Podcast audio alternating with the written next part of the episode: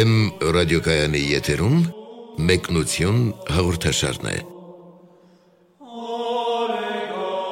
Սիրելի ունկնդիրներ, Վեմ ռադիոկայանի եթերում մեկնություն հաղորդաշարն է, որի ընթացքում ներկայացնում ենք Աստվածաշնչի առանձին գրքեր, դրանց առավել կարևոր հատվածների բացատրություններով։ Ձեզ հետ են արժանապատիվ Տեր Մեսրոպ Քահանա Արամյանը եւ Արա Սարգսակյան Նալչաջյանը։ Այսօր կխոսենք Սուրբ Պողոս Արաքյալի Կորինթացիներին ուղված առաջին թղթի 15-րդ գլխի մասին, որտեղից ընտրել ենք հետևյալ բնաբանը. Եթե Քրիստոս հարություն չի առել, իզուր է մեր քարոզությունը, իզուր է եւ ձեր հավատը։ Օրհնյատեր հայր։ Աստված օրհնի։ Խոսելով Աստվածային շնորհների մասին եւ ավարտելով ուսմունքը այս մասին, Պողոս Արաքյալը իր առաքելական թղթի վերջին մասում անցնում է կարևորագույն ուսմունքին։ Այսինքն կարևորագույն ուսմունքը նա ողել էր վերջում ներկայացնելու, եւ դա ուսմունքն է մեռելների հարության մասին։ Այս մասին է հենց 15-րդ գլուխը, եւ սա պայմանավորված էր նրանով, ինչպես բացատրում են մեկնիչները, ուսումնասիրողները, որ Կորինթոսում այդ ժամանակ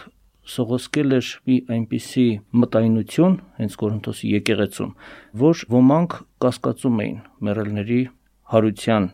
ճշմարտությանը։ Ոմանք էլ եթե անգամ չէին կասկածում, ապա հարց էր առաջանում, թե ինչպես պիտի հարություն առնեն, ինչ մարմնով պիտի գան եւ այլն։ Ուրեմն զանազան մտայնություններ կային, բայց ամեն դեպքում ոչ այնպիսի հավատք Քրիստոսի հարության եւ նաեւ առհասարակ մեռյալների հարության նկատմամբ, ինչպիսին պահանջում է ուղափառությունը։ Եվ ահա այդ նկատառումից դրթված Պողոս Արաքյալը որպես կարևորագույն միասելիք Կորինթացիներին ուղված այս նամակի վերջին հատվածում խոսում է մեռյալների հարության մասին։ Ընթերցենք ուրեմն այդ նամակի սկզբնամասը։ Եղբայրներ, հիշեցնեմ ձեզ իմ ավետարանը, որը քարոզեցի ձեզ, որ եւ ընդունեցիք, եւ որի մեջ հաստատ եք մնում։ Նրանով կփրկվեք էլ, եթե ամուր պահեք այն խոսքերը, որ քարոզեցի ձեզ, այլապես իզուր հավատացած կլինեք որովհետև ես ձեզ ավանդեցի նախ այն, ինչ ես ինքս ընդունեցի, թե Քրիստոս մեռավ մեր մեղքերի համար ըստ գրքերի, եւ թե թաղվեց, եւ թե հարություն առավ երրորդ օրը ըստ գրքերի, եւ երևաց Կեփասին եւ ապա 12-ին, ապա երևաց միանգամից ավելի քան 500 եղբայրների, որոնցից շատերը կան մինչև այժմ, ոմանք էլ ննջեցյալ եղան, եւ ապա երևաց Հակոբոսին, ապա բոլոր առաքյալներին, ամենից հետո երևաց եւ ինձ, անարգիս, որովհետև ես իսկ եմ առաքյալների տրուպը։ Ես որ առաքյալ կոչվելու արժանի իսկ չեմ, քանի որ հալածեցի Աստծո եկեղեցին։ Բայց Աստծո շնորհով եմ, ինչ որ եմ եւ իմ մեջ եղած շնորհները իզուր չանցան, այլ նրանցից բոլորից ավելի աշխատեցի, բայց ոչ թե ես, այլ Աստծո շնորհը, որ ինձ հետ էր։ Արդ թե ես եւ թե նրանք այսպես քարոզեցինք եւ դուք այսպես հավատացիք։ Իսկ եթե քարոզվում է, թե Քրիստոս մեռելներից հարություն է առել, ձեզնից ոմանք ինչպես են ասում, թե մեռելների հարություն չկա։ Եթե մեռելների հարություն չկա, ապա եւ Քրիստոս հարություն չի առել։ Եվ եթե Քրիստոս հարություն չի առել, իզուր է մեր քարոզությունը, իզուր է եւ ձեր հավատը։ Եվ Աստծո սուտ վկաները եղած կլինենք, քանի որ Աստծո մասին վկայեցինք, թե հարություն տվեց Քրիստոսին։ Արդարև, եթե հարություն չառնեին մեռյալները, նրան հարություն չեր տա։ Իսկ եթե մեռելները հարություն չեն առնում, ապա Քրիստոս էլ հարություն չի առել։ Եվ եթե Քրիստոս հարություն չի առել, իզուր է ձեր հավատը եւ տակավին նույն մեղքերի մեջ եք։ Ահա այսպիսի մի ներածականով հիմնավորելով Քրիստոսի հարության ճշմարտությունը առաքյալը ներկայացնում է իր քարոզությունը եւ նաեւ որոշ դրվագներ բերում Քրիստոսի հարությունից, որ հայտնի էին ամենքին, թե ինչպես Քրիստոս հարությունից հետո երևացել է։ Խնդրեմ բացատրեք առաքյալի տրամաբանությունը, իրա մոտեցումը, ինչպես է նա այս հոգևոր ճշմարտությունը Քրիստոսի եւ առասարակ մեռյալների հարության ճշմարտությունը ուզում տեղ հասցնել, հասցնել իր նամակ ընթերցող կորընթացիներին։ Նախ պետք է ասել, որ մեռելների հարության խորուրդը ամբողջ ավետարանական քարոզության առանցքն է։ Ընդհանրապես հարությունը, որովհետև քրիստոնեությունը հենց հարության իսկ կրոն է։ Քրիստոնեությունը նախ եւ առաջ մարդկանց տվեց մահվանից հոգևոր եւ ֆիզիկական մահվանից փրկվելու եւ նոր կյանք ստանալու հնարավորություն, այսինքն սա նոր կյանքի կրոն է։ Էապես նոր, որը չկար հին կյանքի մեջ։ Եվ Պողոս Արաքյալը ուղակի հենց իր ներածականում հենց այդպես էլ բացատրում է, ասում է, որ ես ասում է ինչպես որ ընդունեցի, այնպես էլ փոխանցում եմ ձեզ եւ ինչ որ առաքյալները ստացան, փոխանցում եմ ձեզ։ Եվ փոխանցածը ասում է ըստ էության սա է, ու սկսում է խոսել մեռելների հարության մասին, Քրիստոսի հարության եւ ապա ընդհանրապես մեռելների հարության։ Եվ սրանով իսկ ասում է, որ ավետարանի ներքին զորությունը հենց դրա մեջ է։ Այսինքն ամենամեծ պատիժը, որին արժանացել էր մարդկային բնությունը մեղանչման հետևանքով, դա կրկնակի մահն էր հոգևոր եւ ֆիզիկական կամ մահը եթե միայն իրեն դիտում ենք որպես հոգևոր երևույթ աստծուց կտրում այսինքն աստծուց կտրված վիճակը եւ ֆիզիկական պլանի վրա էլ դա արդեն ապականությունն էր մահը եւ ապականությունը հա Քրիստոս եկավ եւ մեզ տվեց այս երկակի պատժից ազատվելու լիակատար հնարավորություն ոչ թե պարզապես դրանք վերացնելով այլ դրանց մեջ մտնելով եւ դրանցից որպես նոր արարած դուրս գալով։ Սա էապես տարբեր բան է։ Դա չի գալիս պարզապես վերացնում այդ մահվան մեխանիզմները, դա շատ պարզունակ բան կլիներ այլ իր հետ հնարավորություն է տալիս Քրիստոս մտնում է մահվան մեջ մեզ հնարավորություն է տալիս որ մենք նույնպես մտնենք Քրիստոսի մահվան մեջ եւ Քրիստոսի մահվան մեջ մտնելով դուրս գանք որպես նոր արարած, որպես հարուցյալ իրականություն։ Եվ սա միանգամայն կարելի ասել, որ ավետարանական քարոզության հիմքն է։ Ամրագրված է մեր դավանանքի մեջ, երբ մենք եկեղեցում արտասանում ենք, որ մենք հավատում ենք մեռելների հարությանը։ Եվ պետք է ասել, որ հենց այս պահը եղել է բազմաթիվ սայթակումների առիթ դարերով տարբեր աղանդավորական շարժումներ սայթակել են այս պահի վրա Եվ ինչպես ավետարանում է նկարագրում, որ սադուկեցիների աղանդը կար, որ չէր հավատում մեռելների հարությանը, պետք է ասել, որ այդ գիծը շարունակաբար արկա է նաև Քրիստոսից հետո տարբեր աղանդավորական շարժումներում եւ գայթակղություն է ի վերջո մարդու համար, որտեվ ամենից դժվարն է սրան հավատալը շատերը կան ասում են մենք հավատում ենք Քրիստոսին հավատում ենք որ իսկապես եղել է իսկապես ինքը փրկիչն է բայց շատ դժվար է մեռելների հարությանը հավատալ ինչպես պիտի մեռելները հարություն առնեն եւ ահա դրա մասին է այս ամբողջ գլուխը եւ ասում է եթե դա չկա եթե դուք հարությանը չեք հավատում ասում է որ ընդունայն է ձեր հավատքը այսինքն ասել է թե այդ հավատքը ներսից բովանդակություն չունի դա ընդհանրապես արտաքին շղարշ է դա հավատք չէ Հավատքի ինչպիսի այլ դրույթների էլ որ հավատա։ Ինչի ուզում եք հավատացեք, եթե դուք չեք հավատում հարությանը, ձեր հավատքը ընդունային է։ Սա շատ հետաքրքիր է, բայց մի բան էլ է ավելացնում։ Ասում է դուք տակավին ձեր մեղքերի մեջ եք։ Հենց մեղքի մեջ լինելն է Պողոս Արաքյալը համարում բանալի չհասկանալու ամենակարևոր իրողությունը ավետարանական քարոզության, որտեղ դուք ըստ մեղքի եք խորհում։ Իսկ ինչ է նշանակում ըստ մեղքի խորհել մեղքի արդյունքը մահ է։ Ասում է դուք դեռ մահվան գիտակցությունը ունեք եւ ոչ թե հարության գիտակցություն, եթե դուք ըս շնորի խորհեիք, դուք կհասկանայիք դրա զորությունը։ Ուրեմն դեռ դուք հարության զորության հետ կապ չունեք, դեռ տակավին մեղքի մեջ եք կամ ձեր հոգևոր մեռելության մեջ եք։ Դրա համար դուք չեք կարող կենթանությունը զգալ եւ տեսնել։ Դրա համար է Պողոս Արաքյալն ասում նաև իր մասին, ասում է ես վերիտինն եմ Արաքյալների, շատ հետաքրքրական է այստեղ։ Հետինն եմ, բայց ինչ որ եմ, այն է ինչ որ Աստծո շնորհն է իմ մեջ անում, ոչ թե որ ես եմ անում, որտեղ ասում է ես ով եմ, ինչ եմ, դա ոչ մի կապ չունի։ Ես ասում եմ ամենասարսափելի մեկն եմ եղել, Աստծո եկեղեցին եմ հալածել, բայց Աստծո շնորհը իմ մեջ խոսել է եւ դա է իմ կենթանության երաշխիքը։ Ոչ թե ինձանով եմ կենթանի, այլ Աստծով եմ կենթանի։ Դերեր, այստեղ առաքյալը գործածում է տրուպ բառը, որը նշանակում է հետին, անար, գնված եւ այլն։ Եվ նախ ասում է ինքը, որ առաքյալների մեջ յետին է, որ առաքյալ լինելու իսկ արժանի չի, այդպես է իր մասին ասում եւ այնուհետեւ ասում է, որ նրանցից բոլորից ավելի աշխատեցի մյուս առաքյալներից, այսինքն հիմա ինչպես հասկանալ։ Ինքը իր մասին որ կարծիք ունի լավ թե վատ բայց ինքը հստակ տալիս է ինչի շնորհիվ է ինքը աշխատել ասելով որ Աստծո շնորհով է այդ ամեն ինչը եւ ոչ թե իմ մարդկային առավելությունների մարդկորեն ինքը ասում է ես հետինն եմ բայց Աստծո շնորհը որ ինձ տրվեց այդ շնորհը կատարեց բազմաթիվ հրաշքների փառս Աստծո ինքը իրեն չի վերագրում Գավրիցի Պողոս Արաքյալը կատարելապես ազատագրված մարդ է բայց շատ հետաքրքրական է որ այստեղ նաև ինքը թվարկում է որ Երևաց Կեփասին, հետո Երևաց 12-ին, հետո Երևաց ավելի քան 500-ի եւ այլն եւ այստեղ նաև ծրում է այն տեսակետը Պողոս Արաքյալը որ իբր թե Քրիստոս միայն ընտրյալների է հայտնվել արդեն բազմություններին հայտնվելը ցույց է տալիս, որ այդ հարության շնորի ընկալումը ոչ թե տրված էր սահմանափակ թվով մարդկանց,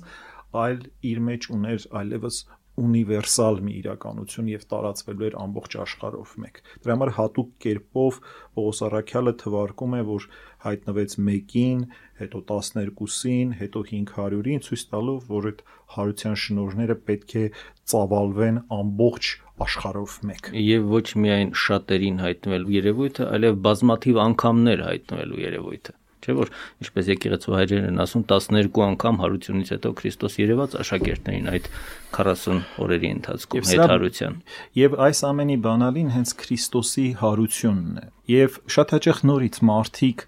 ասում են մենք լավ հավատում ենք Քրիստոսի հարությանը, բայց մեռելների հարությանը չենք հավատում։ Այսինքն մենք հավատում ենք, որ Քրիստոս հարություն է առել, բայց մենք չենք հավատում, որ մենք հարություն կառնենք։ Բայց առաքյալը հակառակ դրամաբանությունն է բերում, ցույց տալով, որ դա անհեթեթություն է, ասելով, որ եթե մեռելները հարություն չեն առնում, ուրեմն Քրիստոս նույնպես հարություն չի առել, որովհետև Քրիստոս նույնպես մեռել էր խաչի վրա։ Նախ պետք է մտածել այսպես. Ինչի համար է Քրիստոս հարություն առնում։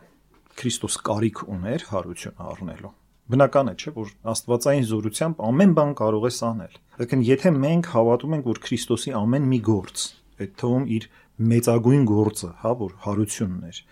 ունի փրկաբանական նշանակություն, այսինքն տնորինաբար է նա անում դա անում է մեր փրկության համար, նշանակում է այդ հարությունը մեզ համար ունի կարևոր նշանակություն։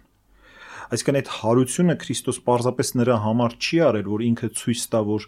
ինքը կարող է աստվածային գործեր անել։ Երբ որ ինքը ջրի վրայով էր քայլում, այդ հնարավորությունը նաև տվեց Պետրոս Արաքյալին, որ ջրի վրայով քայլի։ Ուրեմն ինքը ջրի վրայով չքայլեց, որ պարզապես ցույց տա, որ ինքը Աստված է, քայլեց, որ ամրապնդի մեր հավատքը, որ մեզ նույնպես տա ջրի վրայով քայլելու հնարավորություն։ Երբ որ Քրիստոս հրաշքներ էր գործում, առաքյալներին նույնը անելու հնարավորություն էր տալիս, երբ նրանք տկարանում էին, ասում էր, որ դա ձեր թերահավատության պատճառով է տեղի ունենում։ Եթե հավատք ունենայիք այդ նույն բաները կարող էիք անել, ինչ որ ես եմ անում։ Նույնիսկ ասում է ինձանից ավելի մեծ գործեր եք անելու, երբ դուք Սուրբ Հոգին ստանաք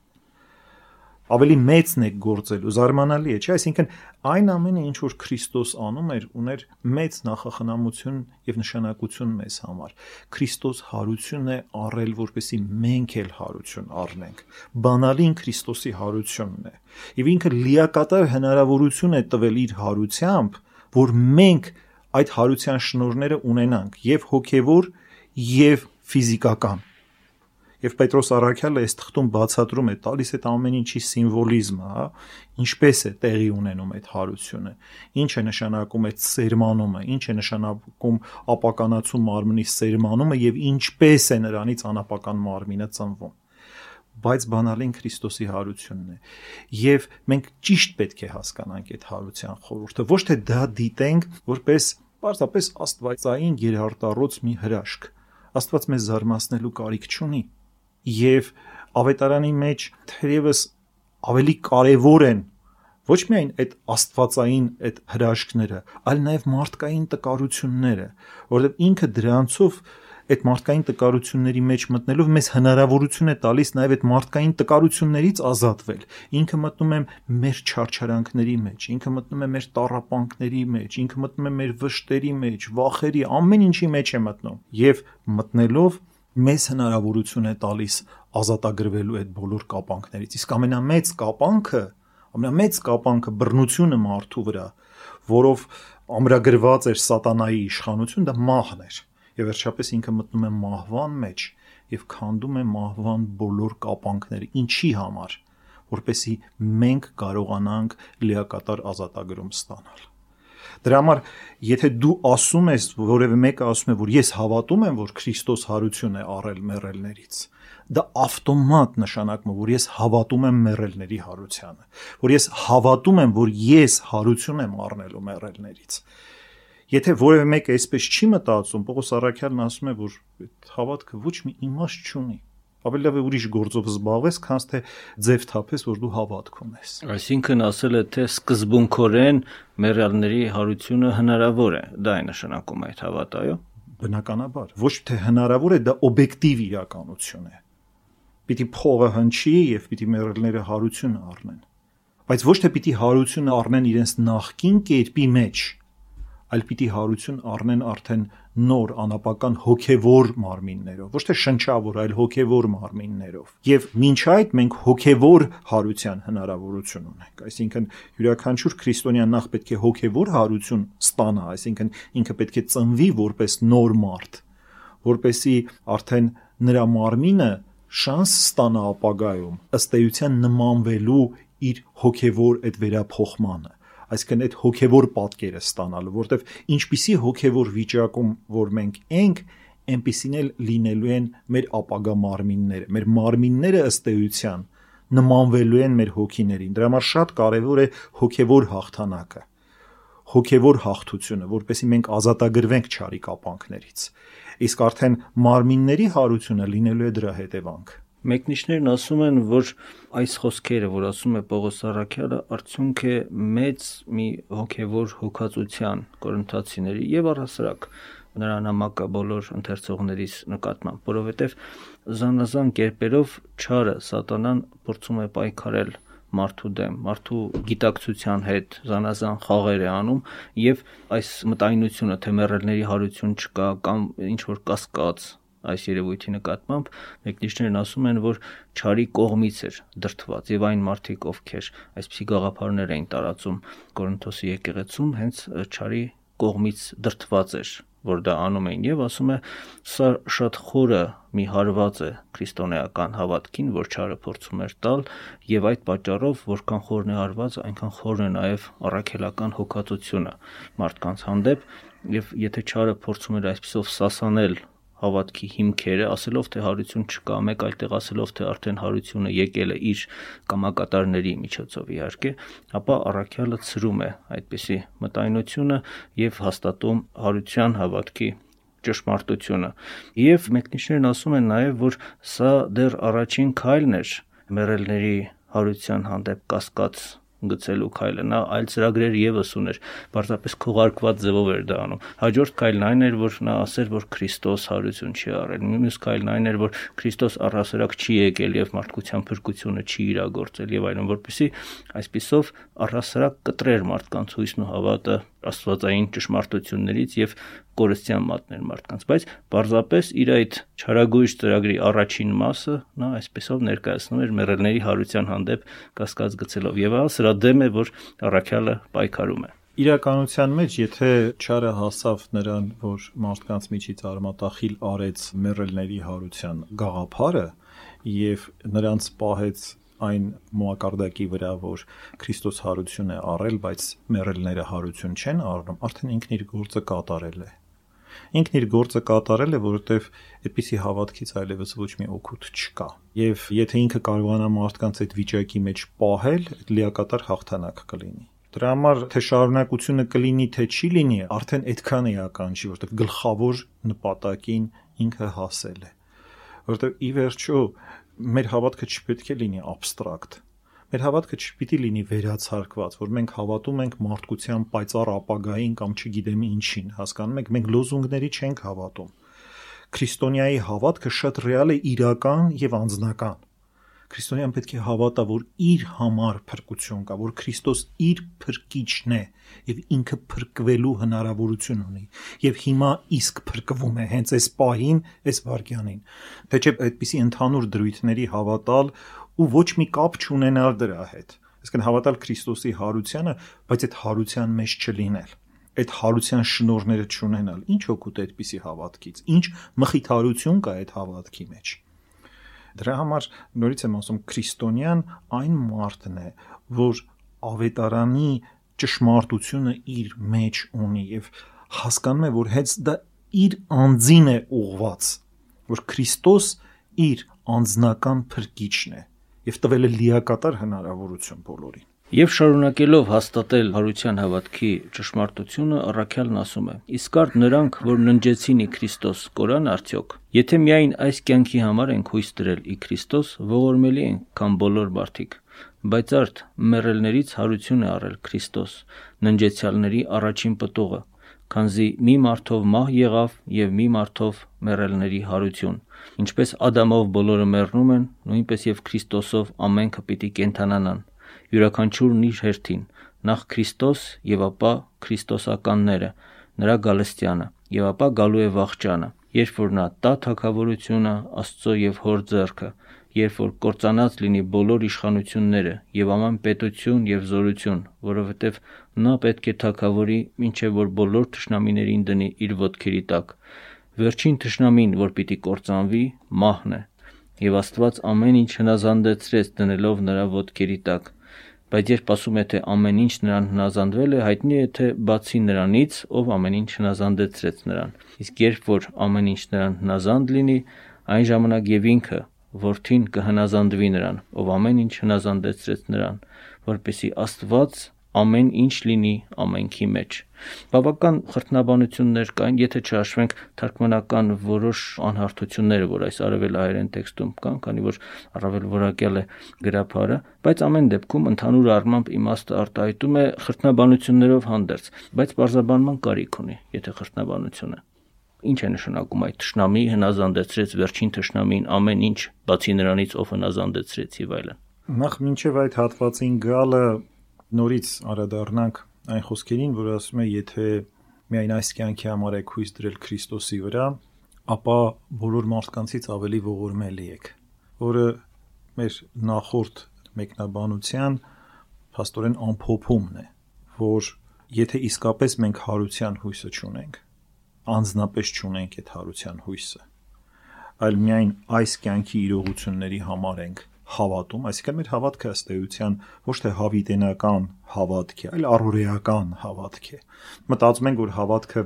ինչ որ կյանքի այս կամ այն կենցաղային խնդրին վերաբերող մի իրողություն է, որ գնանք եկեղեցում ինչ որ բաներ խնդրենք Աստծուց ստանանք, մեր կյանքը լավ ապրենք եւ այլն, բայց չկա հավիտենական կյանք, չկա ամբողջական լուծում մարդու համար, ապա ասում եմ, որ դուք ողորմելի եք բոլոր մարդկանցից ավելի։ Փոքրիկ չնչին միակնկալիք Աստծոց, այսինքն ոչ այնինչ իրականում Աստված տվել է։ Եվ այստեղ նաև պետք է հարկ է նաև ասել, որ քրիստոնեությունը ըստ էության միակ կրոնն է, որ տալիս է ամբողջական պատասխան։ Ինչ է լինելու մարդու հետ որտեվ բոլոր կրոններում կարծես կա այդ ապականացու մարմինը, որը քայքայման է ենթակա, որը ճարիք է պարունակում, որտեղ մեղքի սկիզբ ունի իր մեջ եւ որը պետք է անհետանա։ Հոգու հավիտենականությունը շատերն են հավատում, գրեթե բոլոր կրոնները հավատում են հոգու երկնային իրականությանը եւ այլն եւ այլն։ Բայց հանգուցալուծումը տեսնում են հոգու եւ մարմնի բաժանման մեջ, որ վերջապես դու պիտի թոթափվես այդ մարմնից եւ հոգիդ ինչ որ ձևով պետք է ազատագրվի։ Այսինքն ստացվում է, որ մարդու մեջ ավելորդ բաներ կան։ Այսինքն առարչագործված մարդը կիսով չափ ավելորդ է առարչագործվել։ Եվ ըստ էության ստացվում է, որ այդ մյուս կեսը ոչ մի նպատակ չունի։ Այսինքն անիմաստ մի բան է։ Բայց քրիստոնեությունը ասում է, որ Աստծո առարչության մեջ ոչ մի անիմաստ բան չկա եւ կա ամբողջական լուծում ամբողջ մարդու համար։ Սա շատ էական պահ է։ Այսինքն մարդկային թե հոգու եւ թե մարմնի համար, այո, իհարկե։ Եվ ասում է, որ ինչպես ասում է Քրիստոս հարություն առավ, որ անդրանիկն էր, հա, բոլոր մեռյալների, այնպես էլ մենք պետք է հարություն առնենք եւ ինչպես մի մարդով, այսինքն առաջին Ադամով մենք մահվան արժանացանք, այնպես էլ Քրիստոսով մենք արժանանալու ենք կյանքի։ Ադամով տրված էր շանս ամբողջ մարդկության համար։ Եվ ամբողջ մարդկությունը Ադամից ժառանգեց մահը, եւ Քրիստոսով նույնպես տրված է շանս ամբողջ մարդկության համար։ Հավիտենական կյանքը, հարուցյալ կյանքը ժառանգելու։ Հիմա հնազանդեցնելու մասին։ Ես մի փոքր այլ պատկեր օգտագործեմ ելի առաքելական թղթերից, համաձայն առաքելական թղթերի Քրիստոսի եկեղեցին, որն է Քրիստոսի խորհրդական մարմինը, ունի աճ, այսինքն ինքը այդ եկեղեցու կառույցը դեռ ավարտված չէ։ Այդ կառույցի կենթանի քարերը քրիստոնյաներն են։ Ավարտված չէ եւ կարիք ունի հասնելու իր լրմանը։ Լրմանը հասնելու։ Ասում եմ, երբ որ լրմանը հասնի, ամբողջանը, այսինքն մինչև վերջին հավատացյալի փրկվողի միանալը, հա, այդ կառույցին, երբ որ ասում է դա ամբողջանա, ասում է ինքն իրենով դա պետք է ընծայի հորը։ Այսինքն այդ Քրիստոսի եկեղեցու ամբողջացումը ինքը առաքյալը այստեղ պատկերավոր կերպով է օգտագործում, ասում է պիտի ամեն բան նրան հնազանդվի։ Այդ լրումը հնազանդության լրումը Քրիստոսի եկեղեցու կառույցի ավարտն է։ Եվ ասում է դրանից հետո այդ ամենը պետք է հնազանդեցնի հորը, այսինքն որը այդ ամենը նրան հնազանդեցրեց։ Ահա ես եւ մանկունքիմ։ Ահա ես եւ մանկունքիմ։ Եվ ըստ էության դրա մասին է խոսում, այսինքն պետք է գա լրումը ամեն ինչի։ Երբ որ Քրիստոս կարողանա լիակատար իր խորհրդական մարմնով ներկայացնելու ամբողջ այդ փրկagorցված արարչությունը հորը։ Մինչ այդ տեղի է ունենում այդ շարունակական այդ երկնային կառույցի աճը, ամեն օր այդ աճը տեղի է ունենում։ Սրա մասին է խոսում Քրիստոս։ Ապա թե ոչ ինչ պիտի անեն նրանք, որ մկրտվեցին մեռելների համար, եթե արդարև մեռելները հարություն չեն առնում։ Ինչու ուրեմն մկրտվում են նրանց համար։ Ինչու մենք էլ նեղություն ենք կրում ամեն ժամ։ Եղբայրներ, երթվում եմ այն պարծանքով, որ ունեմ ձեր հանդեպ մեր Տեր Հիսուս Քրիստոսով, որ ես մեռնում եմ ամեն օր։ Եթե մարդկանց համար Եփեսոսում գազանամարտի բռնված լինեի, ինձ ինչ օգուտ կլիներ, եթե մեռելները հարություն չեն առնում։ Ուտենք, խմենք, քանզի վաղը մեռնելու ենք։ Մի խապվեք։ Ված խոսքերը ապականում են լավ բարքերը։ Սթափվեցեք արդար մարդկանց նման եւ մեղք մի գործեք, որովհետեւ ոմանք չունեն Աստծո ճանաչումը։ Համոտ ձեզ եմ ասում այս։ Այսպիսով եզրափակում է առաքյալը իր առաքելական թղթի այս գլխի այն հատվածը, որտեղ նա հաստատում է Քրիստոսի հարության իրողությունը։ Եվ եթե ուշադրություն դարձնենք, շատ ուշագրավ խոսքեր կան այստեղ, ասում է մերելների համար մկրտվողներ, այսպեսի արտահայտություն է գործածում։ Ինչ նկատի ունի առաքյալը։ Դա մեր սովորական քրիստոնեական մկրտությունն է, որ մկրտվում ենք մերելներից հարություն առնելու համար, ինչպես բոլոր քրիստոնյաները, թե ինչ որ մի այլ յուրահատուկ մկրտության մասին է խոսքը։ Այս հատվածը իսկապես իր մեջ ունի որոշակի անորոշություն բայց բանալին այն է, որ եթե Սուրբ գրքի որոշակի հատված ունի լեզվական խրտնություն կամ քիչ անորոշություն պետք է հստակ հատվածներից առաջնորդվելով նախորդ եւ հաջորդող մենք հասկանանք թե այդ խոսքը ինչի համար է գործածված ասեմ որ լայնորեն կիրառվում է այս հատվածը տարբեր աղանդավորական, ասենք շարժումների կողմից։ Եվ ըստ երևույթին նաև դրա չարաշահումներ եղել են Կորինթոսում, միգուցե Նույնիսկ եթե չեն եղել հետագայում ըստ այս խոսքի եղել են չարաշահումներ, որի մասին արդեն օրինակ խոսում է Սուրբ Հովան Ոսկեբերյանը մատնանշելով Մարկիոնի աղանդին, որոնք մերելների փոխարեն մկրտություն էին կատարում, այսինքն երբ որ նրանց մոտ մեռնում էր չմկրտված մեկը, նրա փոխարեն կենթանի մեկը մտնում էր այն սեղանի տակ, որի վրա դրված էր այդ հննջեցյալը եւ մկրտության արարողություն էին կատարում այդ մարդու վրա, որպեսի այդ մեռյալը մկրտվեր։ Եվ Հովան Ոսկեբերյանը շատ խիստ քննադատական խոսքեր է ասում այս ամենի մասին։ Դա շարունակվում է ինչև այսօր։ Օրինակ այս պրակտիկան հիմա կիրառվում է մորմոնների կողմից եւ նրանք այդպիսի սրբապղծություններ են անում նաեւ Հայաստանում։ Օրինակ ասենք հрьяաները նրանց շատ խիստ զգուշացրեցին, որ եթե իրանք դա որևէ հрьяայի վրա անեն, խիստ կպատժվեն եւ նրանք դադարեցրեցին իրենց սրբապղծությունները։ Բայց Հայաստանում նրանք գնում են եւ մեր մեծերի վրա, ասենք մեր սուրբերի վրա այդպիսի պիղծ արարողություններ են կատարում։ Եվ կարծում եմ մենք որպես ազգ, եթե ինքնասիրություն ունենք, պետք է նրանց զգուշացնենք, որ եթե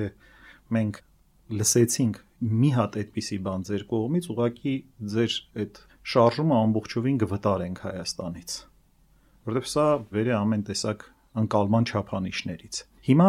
գալով այս խոսքի մեկնությանը, ինչպես են եկեղեցու հայրերը մեկնում։ Նախ ինչպես արդեն ասացի, որ կարող է պատահել, հա, որ Կորինթոսում էլ այս կամ այն ձևով մերելների փոխարեն մկրտություն լիներ, որը ոչ թե ընդունում է առաքյալը, ասում է, եթե դուք այդպիսի սխալ բան եք արդեն անում եւ մերելների հարությանը եթե չեք հավատում, մերելների համար ինչի եք մկրտվում։ Այս մեկ մի տարբերակ որ երկու հնարավորություն ունի այս տարբերակը։ Մեկ, որ ննջեցյալի փոխարեն էին մկրտում, այսինքն չմկրտված ննջեցյալի փոխարեն, եւ երկրորդ տարբերակը, որ երբ ննջեցյալ հավատացյալը հեռացել էր, մի նոր մարդ եկեղեցում գրավում էր նրա տեղը, հա, այսինքն տեղ գրավելու առումով։ Բայց առավել խորն է ոսկեբերանի եւ դրան հետևող հայրերի մեկնությունը, որը հետեւյալն է, որ ի վերջո այստեղ խոսակցությունը մկրտության խորհրդի մասին է, որով որ մենք մտնում ենք մահվան մեջ եւ ապա հարություն ենք առնում Քրիստոսով։ Ասում եք, եթե դուք չեք հավատում հարությանը, այսինքն եթե դուք չեք հավատում հարությանը, նշանակում է դուք ընդունում եք, որ դուք մեռյալ եք, այսինքն որ դուք մտնում եք Քրիստոսի մահվան մեջ եւ այդտեղից հարություն չկա։ Եթե դուք դրան չեք հավատում, ասում է ինչի համար եք մկրտվում։ Այս իմաստով է մեկնաբանում Հովան Ոսկեբերյանը։ Էլ ինչ կարիք կա հարություն չառնող մեռյալի համար, այսինքն արդեն դա մեզ է վերաբերում։ Եթե մենք չենք հավատում մենք համարում ենք, որ մենք մեռյալ ենք լինելու, հարություն չենք առնելու։ Ասում է մեռյալի համար, ել ինչի եք դուք մկրտվում։ Եթե դուք հարություն չեք առնելու, ինչու եք այդ մկրտությունը կատարում։ Որովհետև Պողոս Առաքյալի խոսքի մեջ կա հարցական երանգ, ասում է, եթե չկա սա, ապա ինչու համար եք այդ անում։ Այսինքն եթե չկա սա, նշանակում է մեռելության համար ես մկրտվում, որովհետև չկա հարություն։ Մեռելների հարություն չկա։ Ասել է թե եթե մկրտվում եք, ուրեմն մեռելների հարության հավատքով պետք է մկրտվեք, այո։ Եթե դու պիտի մեռնես Եվ մեռածել հա- մնաս։ Եվ մեռածել պիտի մնաս։ Այսինքն դու ինչի համար ես այդ մեռած մնալու համար մկրտվում, եթե չկա այդ հարության կյանքը։ Այս դրամաբանությամբ պետք է Հովան Ոսկեբերյանի խոսքերը հասկանալ եւ նաեւ պետք է ասել, որ սա դարեր շարունակ լայնորեն տարբեր աղանդավորական շարժումներում այս խոսքը աղավաղվել է։ Սակայն եկեղեցում կա դարեդար հաստատված ճշմարտությունը, որ մարդիկ հարության հավատքով մկրտվում են ամենասուրբ երրորդության անունով։ Իհարկե, եւ հետո շարունակում են նաեւ այստեղ արդեն նահատակության երանգներ կասում են, եթե չկա այդ մեռելների հարության, եթե ես պիտի մեռնեմ, եթե պետքպես մեռածել պիտի մնամ, ել ինչի եմ գնում նահատակվելու, ինչի եմ գազանամարտի դուրս եկել, գազանների բերան, ինչի է ես դուրս գալիս, հա որ ամեն պահ կարող է ես մահվան ենթարկվել։ Եվ ասում եմ, եթե այս մեռելները հարություն չեն առնում, ապա մնում է կյանքի միակ բանաձևը՝ ուտենք, խմենք, քանզի վաղը մեռնելու ենք։ Այսինքն միակ բանաձևը կյանքի կրեդոն դա է դառնում, որտեվ այլևս ինչ պիտի լինի մահվանից հետո ոչ մի իմաստ չունի եւ չարժի դրա համար պայքարել։ Ինչին հետևում է այսօրվա մարդկության մի զգալի մեծ մասը։ Ուտենք խմենք, քանզի վաղը պետք է մեռնենք եւ հաճույքներ որոնենք այս կյանքում։ Եվ փիլիսոփայությունը հենց խորագույն մերժումն է, որտեղ Պողոս Արաքյալը ասում է, եթե այս կյանքի համար եք հավատում Քրիստոսին, այսինքն չկա ձեր մեջ հավիտենական կյանքի եւ լիակատար կյանքի, ամբողջական կյանքի, ոչ թե ինչ-որ մասնակի կյանքի հավատքը ձեր մեջ եւ դուք միայն սահմանափակվում եք այս կյանքում ինչ որ բաների հավատալով, ապա դուք ավելի ողորմելի եք, քան մնացած մարդիկ, ավելի ողորմելի եք, քան այն անհավատները։ զարմանալի խոսքեր են Պողոս Առաքյալի այս արտահայտությունը, որովհետև ինքը ասում է, որ սա ուղակի սնահավատություն է։ Այդպիսի հավատք չկա։ Հավատքը հավիտենական կյանքի մեջ հաստատվելն է։ Քրիստոսի հարության մեջ հաստատվելը։ ողորմելի եք արդյոք այն առումով, որ այս կյանքի բարիքները մաքսիմալ ձևով չեք վայելում եւ գալիք բարիքներին էլ հույս չունեք։ Պաստորեն ստացվում է ոչ այստեղ եք ինչ որ վայելք ունենում, ոչ այնտեղ վայելքի հույս ունեք, ում է պետք ձեր ապրած կյանք։ Եվ ուղղակիորեն Պողոս Առաքյալը ասում է «Սթափվեցեք արդար մարդկանց նման եւ մեղք մի գործեք» որովհետև ասում է ոմանք կան, որ չեն ճանաչում Աստծուն։ Այսինքն Աստծուն չճանաչելը ուղակի կապում է այս մերելների հարության այս գլխավոր ուսմունքի հետ։ Ասում է, եթե մեկը ճանաչում ունի Աստծուն, գիտի ով է Աստված, իսկապես ինքը հարության իրականության մեջ է հաստատված։ Սիրելի ունկնդիրներ, իմ զրուցակիցն էր արժանապատիվ Տեր Մեսրոպ Քահանա Արամյանը։ Տեր Մեսրոպի հետ մեր հաջորդ զրույցը նախատեսել ենք նույն այս գլխի Կորինթացիներին ուղված Պողոս Առաքյալի առաջին թղթի 15-րդ գլխի մնացյալ հատվածի մասին, որտեղ խոսվում է այն մասին, թե ինչպես է տեղի ունենում մեռյալների հարությունը։ Օրհնյա Տեր այր։ Աստված օրհնի։